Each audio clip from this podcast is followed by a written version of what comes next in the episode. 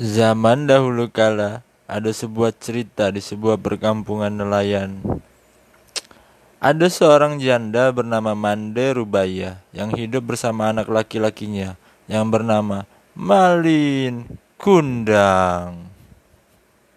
Mande Rubaya sangat menyayangi dan memanjakan Malin Kundang. Malin kemudian tumbuh menjadi seorang anak yang rajin dan penurut. Ketika Mande Rubaya sudah tua, ia hanya mampu bekerja sebagai penjual kue untuk mencukupi kebutuhan dirinya dan si Malin. Suatu hari, Malin jatuh sakit keras hingga nyawanya hampir melayang. Namun, tidak ada benangnya, jadi bukan layang-layang. Setelah sembuh dari sakitnya, ia semakin disayang. Mereka adalah ibu dan anak yang saling menyayangi. Saat Malin sudah dewasa, ia meminta izin kepada ibunya untuk pergi merantau ke kota. Karena saat itu sedang ada kapal besar merapat di pantai air manis. Eh, air manis ya, nama pantainya air manis. Jangan malin, kata ibunya. Ibu takut terjadi sesuatu denganmu di tanah rantau sana. Menetaplah saja di sini, temani ibu. Ibu kan sudah tua. Ucap ibunya yang sedih. Malin pun menjawab, Ibu, tenanglah. Tidak akan terjadi apa-apa denganku. Aku kan ganteng. Ini kesempatan, Bu, karena belum tentu setahun sekali ada kapal besar di sini. Aku ingin mengubah nasib kita, Bu. Izinkanlah. Malin pun memohon. Baiklah, Ibu izinkan. Cepat kembali. Ibu akan selalu menunggumu, Nak, kata ibunya sambil garuk-garuk pantat. Meski dengan berat hatinya, Mande Rubaya mengizinkan Malik Malin untuk pergi. Kemudian Malin dibekali dengan nasi padang. Hari demi hari terus berlalu, hari yang terasa lambat bagi Mande Rubaya. Setiap pagi dan sore Mande Rubaya memandang ke laut. Malin di mana ya? Nggak pulang-pulang. Namun setiap ia bertanya pada awak kapal atau nakoda, tidak pernah mendapatkan jawaban. Malin tak pernah menitipkan barang, uh, harta, atau pesan apa pun kepada ibunya. Bertahun-tahun Mandarubaya terus bertanya, namun tak pernah ada jawaban hingga tubuhnya semakin tua. Dan kini jalannya mulai terbungkuk-bungkuk. Ya, namanya nenek-nenek. Mande, tahukah kau, anakmu kini telah menikah dengan gadis cantik. Seseorang berbicara kepada Mande. Malin, cepatlah pulang ke Marina. Ibu sudah tua, Malin. Kapan kau pulang? Rintinya pilu setiap malam si ibu. Ia yakin anaknya pasti datang. Penduduk desa mulai berkumpul. Mereka mengira kapal itu milik seorang sultan atau seorang pangeran. Mereka menyambutnya dengan gembira. Mandi Rubaya amat gembira mendengar hal itu. Ia selalu berdoa agar anaknya selamat dan segera kembali menjenguknya. Namun hingga berbulan-bulan semenjak ia menerima kabar Malin dari nahkoda itu, Malin tak kunjung kembali untuk menengoknya. Ketika kapal itu mulai merapat, terlihat sepasang anak muda berdiri di anjungan. Pakaian mereka berkilauan terkena sinar matahari.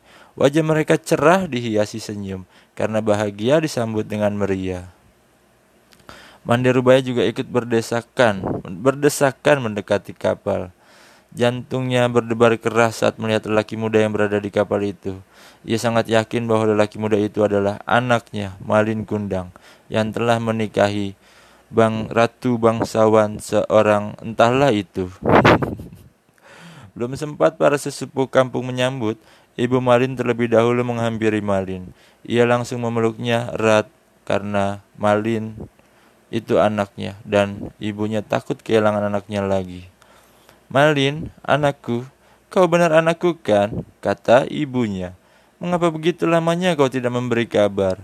Malin terkejut karena dipeluk perempuan tua renta yang berpakaian compang-camping itu.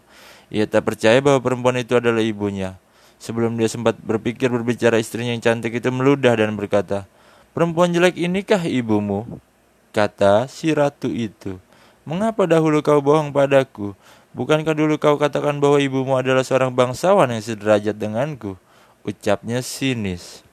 Mendengar kata-kata pedas istrinya, Malin Gundang langsung mendorong ibunya hingga terguling ke pasir. Perempuan gila, aku bukan anakmu, kata si Malin. Mande Rubaya tidak percaya akan perilaku anaknya. Ia jatuh terduduk sambil berkata, Malin, Malin anakku, aku ini ibumu nak. Mengapa kau jadi seperti ini nak? Kemarin kan aku kasih nasi padang bukan? Malin Kundang tidak memperdulikan perkataan ibunya. Dia tidak akan mengakui ibunya. Ia malu kepada istrinya. Melihat perempuan itu bersujud hendak memeluk kakinya, Malin menendangnya sambil berkata, Hai perempuan gila, ibuku tidak seperti engkau, melarat dan kotor. Perempuan tua itu terkapar di pasir, menangis dan sakit hati. Orang-orang yang melihatnya ikut terpana dan kemudian pulang ke rumah masing-masing. Mandirubaya pingsan dan terbaring sendiri ketika ia sadar sudah sepi di sana. Dilihatnya kapal Malin semakin menjauh. Ia tak menyangka Malin yang dulu disayangi tega berbuat demikian. Hatinya perih dan sakit. Lalu tangannya diangkat ke langit. Ia kemudian berdoa dengan hatinya yang pilu. Ya Tuhan, kalau memang dia bukan anakku, aku maafkan perbuatannya tadi. Tapi kalau memang dia benar anakku yang benar malin kundang, aku mohon keadilanmu ya Tuhan. Ucapnya pilu sambil menangis.